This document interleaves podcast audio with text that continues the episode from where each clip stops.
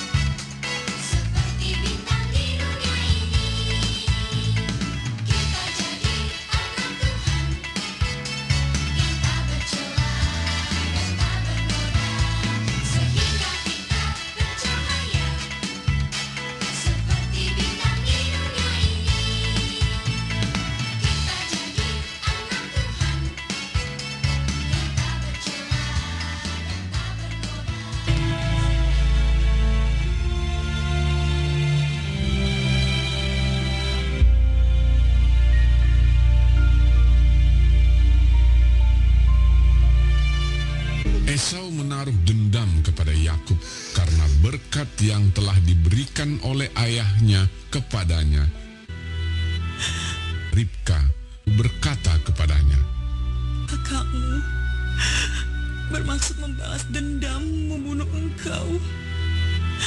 Bersiaplah engkau dan larilah kepada Laban, saudaraku ke Haran. Dan tinggallah padanya sampai kegeraman dan kemarahan kakakmu itu surut daripadamu. Kemudian Ishak memanggil Yakub, lalu memberkati dia. Moga-moga Allah yang Maha Kuasa memberkati engkau, membuat engkau beranak cucu, dan membuat engkau menjadi banyak, sehingga engkau menjadi sekumpulan bangsa-bangsa. Lalu berangkatlah Yakub ke Padan Aram, kepada Laban anak Betuel, saudara Ribka ibu Yakub. Maka Yakub berangkat dari Bersheba dan pergi ke Haran.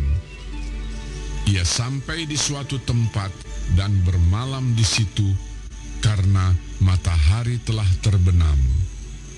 Ia mengambil sebuah batu yang terletak di tempat itu dan dipakainya sebagai alas kepala, maka bermimpilah ia. Di bumi ada didirikan sebuah tangga yang ujungnya sampai di langit dan tampaklah malaikat-malaikat Allah turun naik di tangga itu. Berdirilah Tuhan di sampingnya. Akulah Tuhan, tanah tempat engkau berbaring ini akan kuberikan kepadamu dan kepada keturunanmu. Akan menjadi seperti debu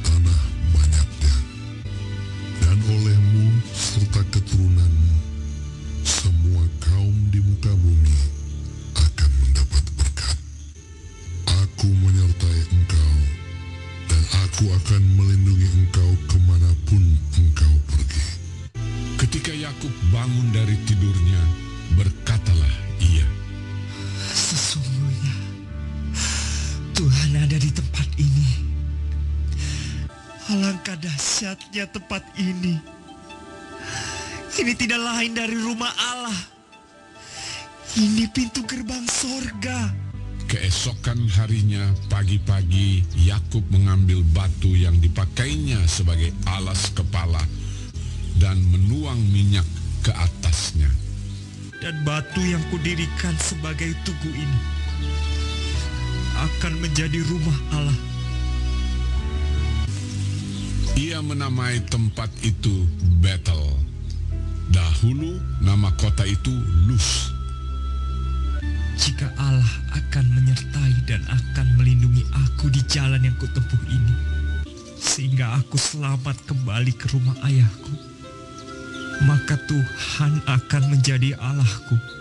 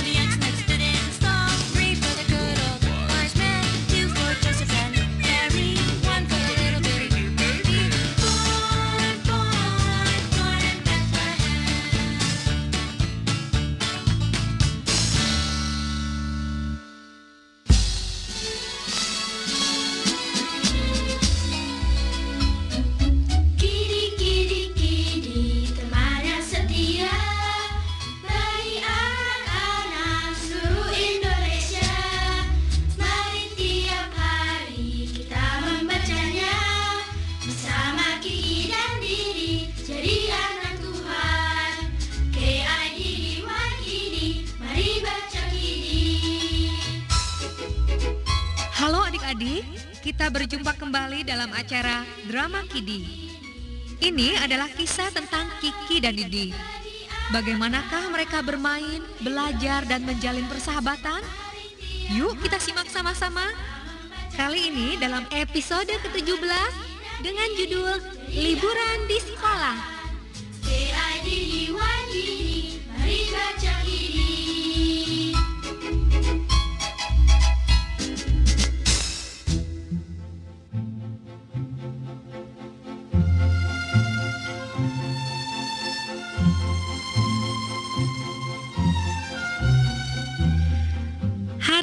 Penerimaan rapot telah tiba. Setiap murid datang ke sekolah dengan didampingi orang tua atau walinya. Di sekolah Kiki dan Didi, yang mengambil buku rapot murid harus orang tua atau wali murid. Supaya para guru bisa bertemu langsung dan berbincang dengan para orang tua atau wali setiap murid. Wajah setiap orang tua yang keluar dari ruang guru berbeda-beda. Para orang tua yang prestasi anaknya bagus berwajah cerah.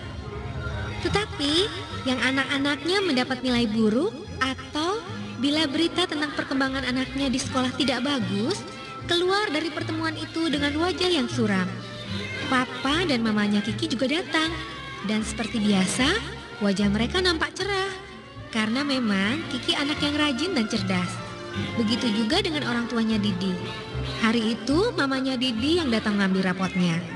Dan mamanya Didi pun berwajah cerah. Kiki dan Didi sangat gembira karena melihat orang tua mereka bahagia.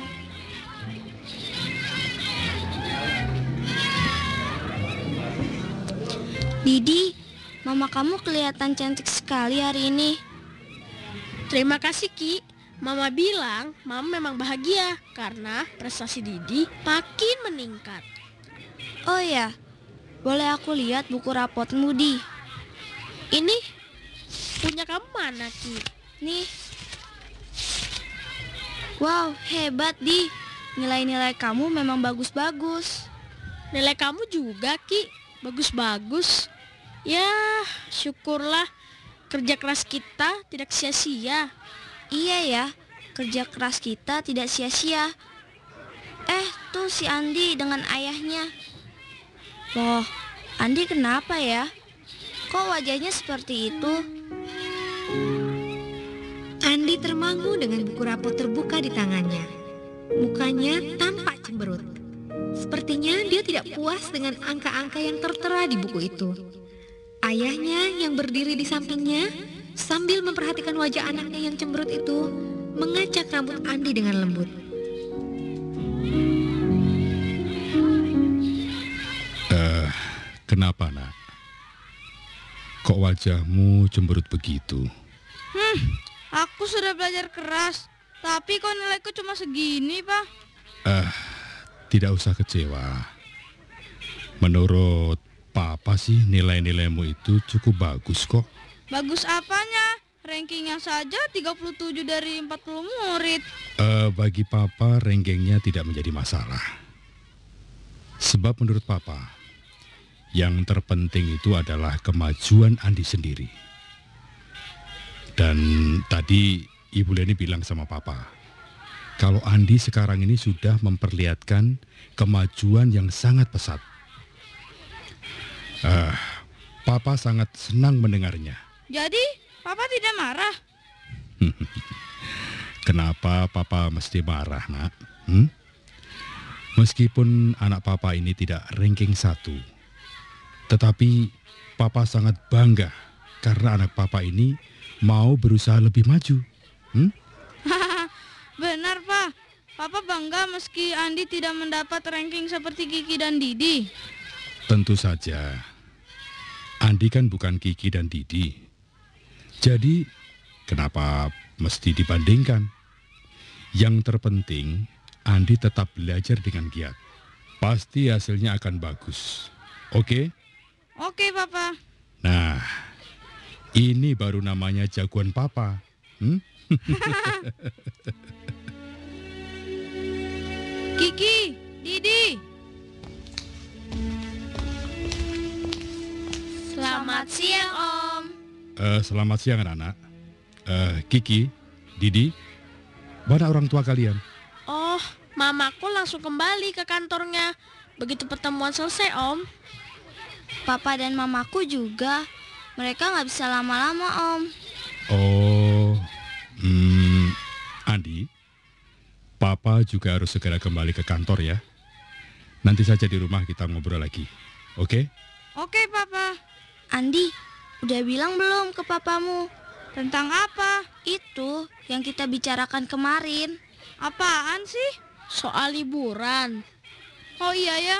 Hmm, Papa, hmm, bo- bo- boleh nggak Andi ikut berkemah dengan teman-teman? Berkemah?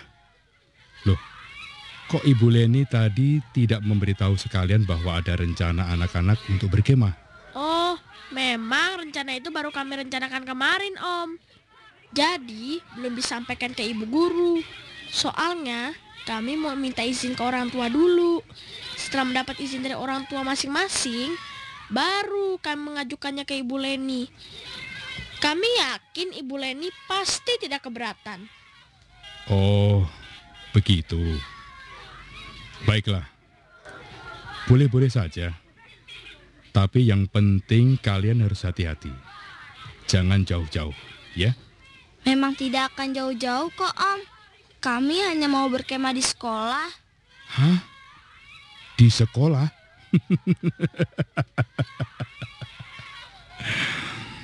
Hmm, Tentu saja boleh, nak. Om pikir kalian itu mau berkemah di mana begitu? Hmm?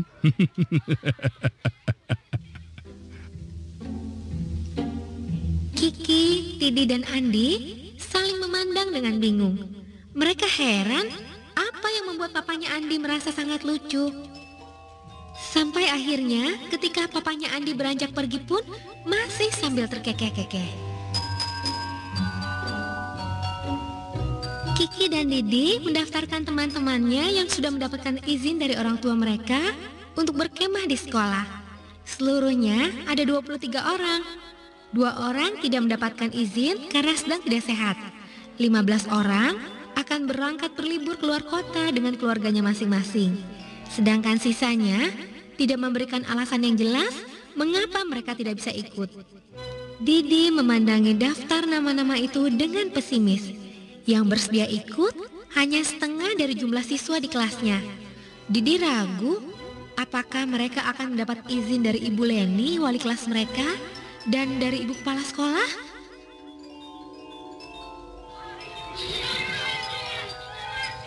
Kiki, aku ragu.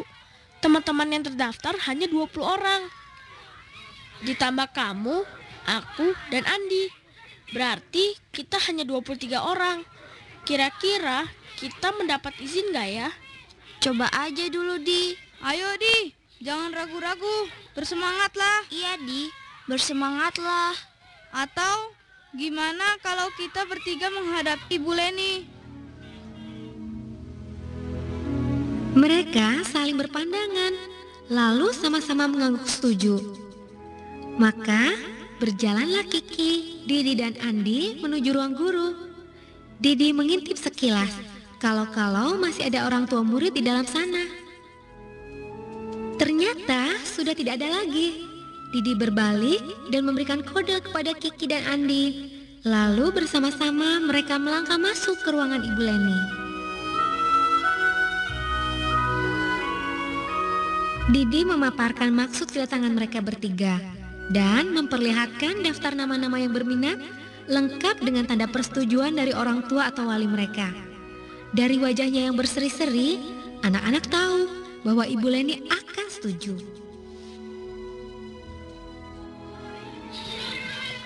Tapi harus ada satu atau dua orang guru yang mendampingi kalian. Sebetulnya ibu sangat berminat. Tapi sayang sekali, ibu sudah ada janji dengan keluarga ibu untuk menghabiskan liburan di luar kota. Anak-anak, tidak usah kecewa. Ibu akan coba bicara dengan ibu kepala sekolah.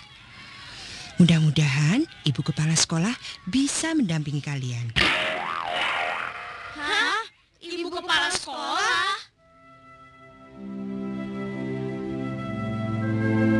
Leni memberi senyum menegaskan.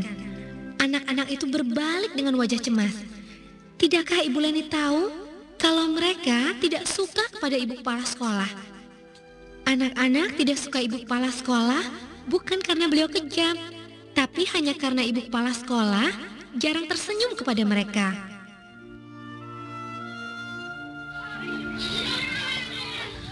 Bagaimana ini? Mana seru berkemah kalau ada ibu kepala sekolah. Ya, mau gimana lagi? Kita semua sudah bersemangat mau berkemah. Kalau kita membatalkan, teman-teman yang lain akan kecewa. Dan yang lebih gak enak lagi, Ibu Leni dan Ibu Kepala Sekolah sendiri akan tahu kalau kita tidak suka padanya. Gini deh, kita lanjut saja. Nanti kalau ibu kepala sekolah macam-macam, kita bikinkan kemahnya sendirian di sudut sekolah. Andi? Akhirnya, anak-anak itu memutuskan untuk menurut saja apa keputusan kepala sekolah nanti mengenai rencana perkemahan itu. Mereka sepakat bahwa siapa pun guru yang hadir untuk mendampingi mereka akan mereka terima dan berusaha saja untuk menikmati masa-masa liburan itu.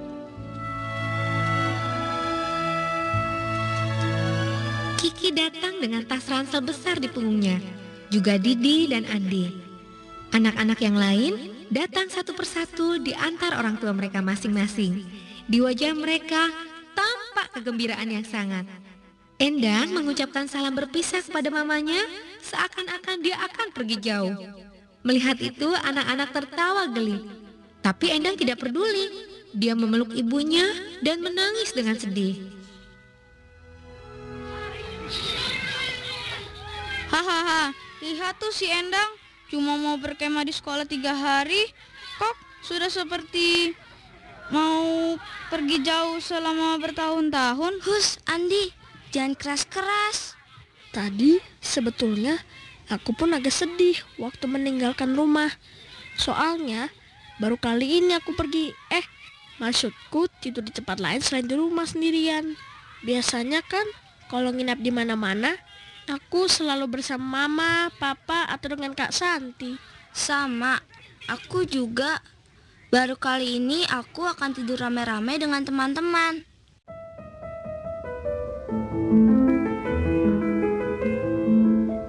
Baru saja Kiki selesai bicara, Ibu Mida muncul dari pintu gerbang sekolah dengan Anto anaknya yang juga teman sekelas Kiki dan Didi. Kiki dan Didi serta Andi memberi senyum pada Ibu Mida.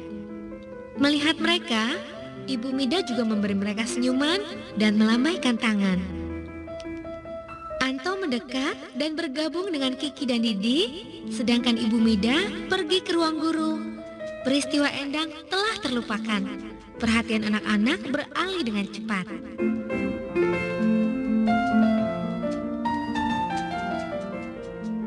Setelah semuanya datang, ibu kepala sekolah meminta supaya anak-anak berkumpul di halaman belakang sekolah. Anak-anak pun duduk bersila di atas rerumputan, membentuk setengah lingkaran. Ibu Mida menguraikan bagaimana cara memasang kemah. Anak-anak memperhatikan dengan sungguh-sungguh. Setelah itu, mereka membagi diri menjadi delapan kelompok. Setiap kelompok beranggotakan tiga orang. Setiap kelompok memasang kemah masing-masing. Mereka bekerja sama dengan riang gembira. Sebelum hari gelap, semua kemah sudah berdiri. Beberapa anak saling kejar-kejaran di sekitar kemah-kemah itu. Ada juga yang main petak umpet.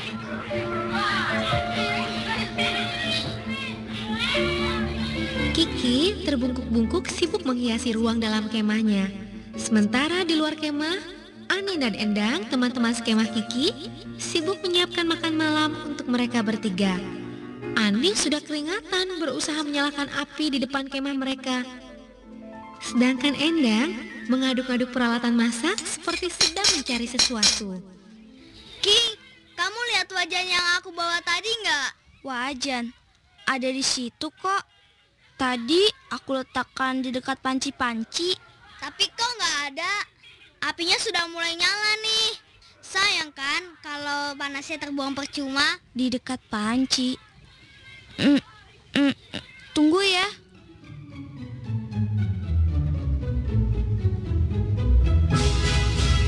Sebetulnya, Kiki tidak begitu memperhatikan permintaan Endang karena dia sedang sibuk dengan kegiatannya sendiri.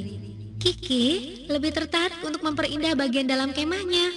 Dengan teliti, Kiki memperhatikan kira-kira apa saja yang masih kurang. Setiap kali dia teringat sesuatu, dia keluar dan merogoh ranselnya, lalu masuk lagi. Kemudian, di dalam, dia meneliti lagi dan keluar kembali untuk mencari apa yang diperlukan. Itu semua dia lakukan dengan langkah maju dan mundur yang sangat cepat. Persis undur-undur keluar masuk lubangnya. Andi yang secara tidak sengaja melihat itu langsung tertawa terbahak-bahak.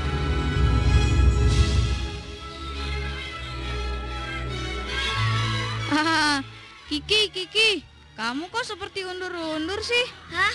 Apa? Undur-undur? Eh, Andi, masa kamu bilang aku seperti undur-undur? Iya, coba. Dari tadi kamu keluar masuk kemah dengan cepat. Maju dan mundur. Ya, seperti undur-undur.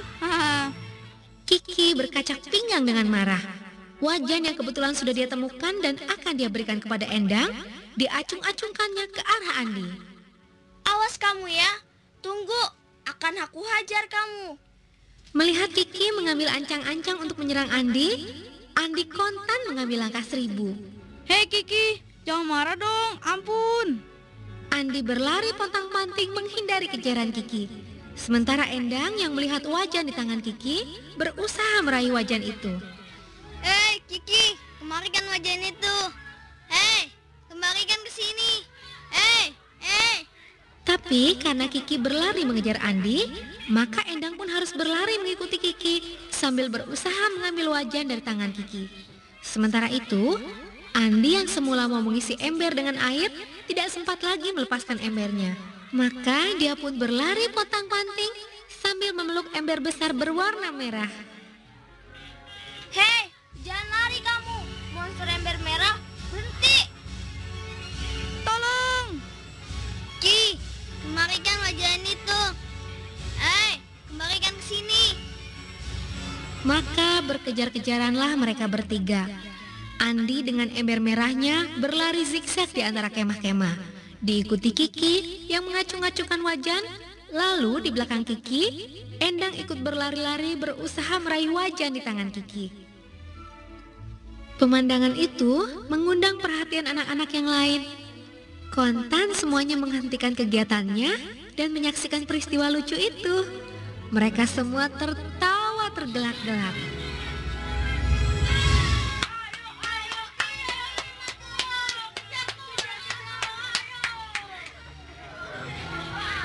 Ibu Mida juga menyaksikan peristiwa lucu itu dan beliau tertawa bersama anak-anak.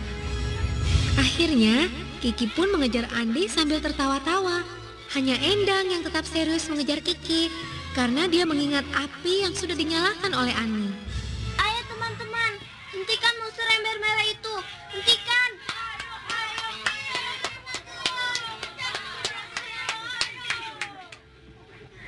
Maka bergerombolah anak-anak menghadang Andi.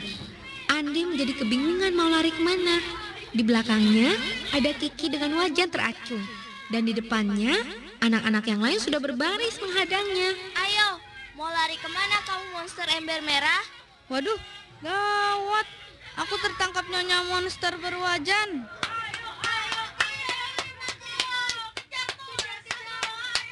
Akhirnya Andi tertangkap. Anak-anak menyerbunya. Tubuhnya terkurung dengan tubuh anak-anak.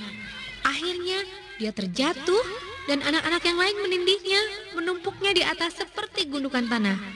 Dan tiba-tiba, Selamat sore anak-anak. Boleh ibu bergabung? tawa anak-anak pun terhenti. Suasana langsung sepi. Satu persatu anak-anak bangun dan melihat siapa yang datang.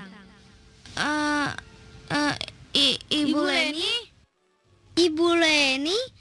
Bukannya kata Didi ibu tidak bisa ikut? Memang, kemarin ibu bilang ke Didi kalau ibu tidak bisa ikut berkemah dengan kalian. Karena ibu sudah janji dengan keluarga ibu untuk berlibur ke luar kota. Hmm, tapi tiba-tiba ibu berubah pikiran. Ibu berpikir, buat apa jauh-jauh berlibur ke luar kota? Biayanya kan mahal dan ada banyak bahaya di perjalanan. Lebih baik ibu di sini saja, berkemah di sekolah, menikmati liburan bersama kalian. Anak-anak ibu yang nakal-nakal tapi menyenangkan ini. Jadi, bagaimana nih? Boleh nggak ibu bergabung? Tentu saja, Bu. Kami malah sangat senang ibu bisa datang. Tapi ibu tidak sendirian loh. Apakah kami semua diperkenankan bergabung? Memangnya ibu datang dengan siapa? Ibu Leni menoleh ke arah lorong kelas. Anak-anak mengikuti pandangan Ibu Leni. Ternyata di sana ada seorang kakek dan nenek yang tersenyum lembut sambil melambaikan tangan ke arah mereka. Anak-anak balas melambai dan tersenyum. Mereka itu siapa, Bu? Mereka ayah dan ibuku. Rencananya kami bertiga mau pulang ke kampung. Tapi begitu tahu rencana kalian ini, mereka setuju ibu tinggal bersama kalian. Asalkan mereka juga dibolehkan ikut. Tentu saja mereka boleh ikut, Bu. Iya, Bu. Tentu saja mereka boleh ikut. Ibunya Ibu Leni biar tidur di kemahku saja ya, Bu. Terima kasih, Kiki. Kalau papanya Ibu Leni dengan aku ya. Terima kasih, Didi. Kiki dan Didi berlari ke arah orang tua Ibu Leni dan menarik tangan mereka untuk bergabung. Mereka pun datang dan bergabung dengan anak-anak. Anak-anak memberi salam dengan santun, lalu mereka pun menyebar lagi, melanjutkan pekerjaan mereka yang tertunda tadi.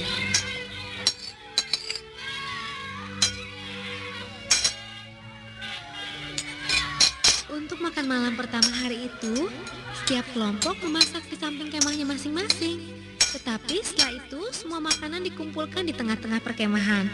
Lalu mereka makan malam bersama-sama. Setiap orang boleh memakan apa saja yang ada di sana. Karena makannya beramai-ramai dan sambil bersenda gurau, banyak yang tidak sadar bahwa mereka sudah makan banyak sekali. Akhirnya, malam itu mereka semua tidak banyak bergerak. Setelah makan malam dan membereskan peralatan makan, mereka langsung menyusup ke dalam kemahnya masing-masing.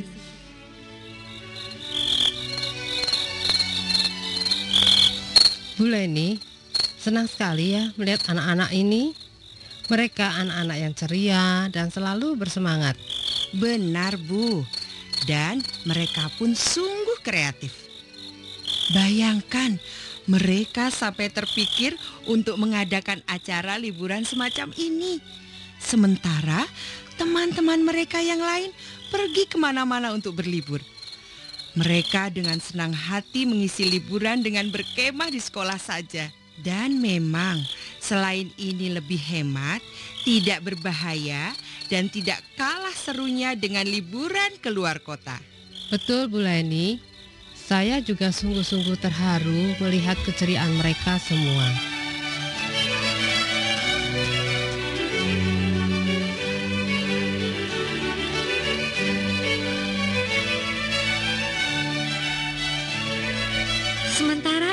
Ida dan Ibu Leni mengobrol, ayahnya Ibu Leni sudah dikelilingi anak-anak.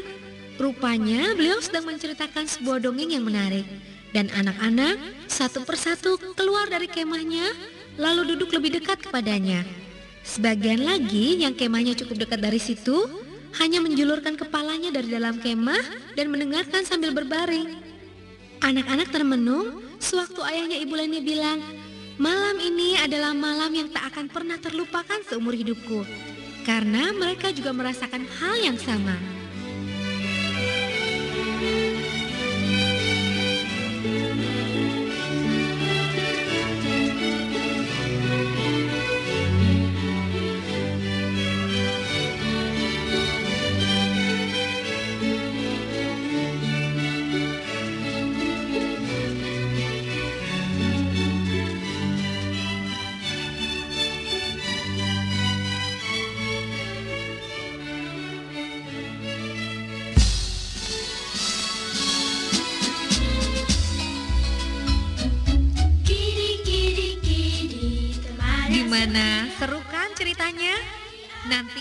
Selanjutnya pada waktu dan gelombang yang sama di radio kesayangan kamu ini. Kalau kamu memiliki saran atau ingin tahu lebih banyak tentang cerita tadi, kirimkan surat kamu kepada Kak Kidi dengan alamat PO Box 7113 JKB TU Jakarta 11071 Indonesia.